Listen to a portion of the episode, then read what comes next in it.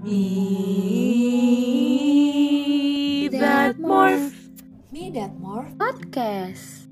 Hello Morphis, pada podcast kali ini aku Meiti Nur Aziza bakal nemenin kalian dengan puisi berjudul Ekspektasi. Hope you like it.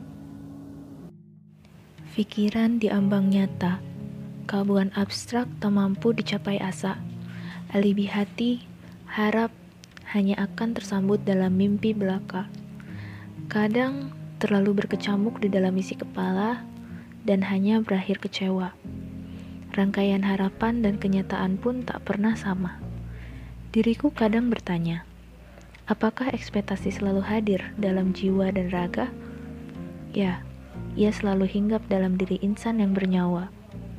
Karena harapan akan selalu hadir dalam bait rangkaian keinginan selamanya. Itu semua tentang aku dan dia, ekspektasiku.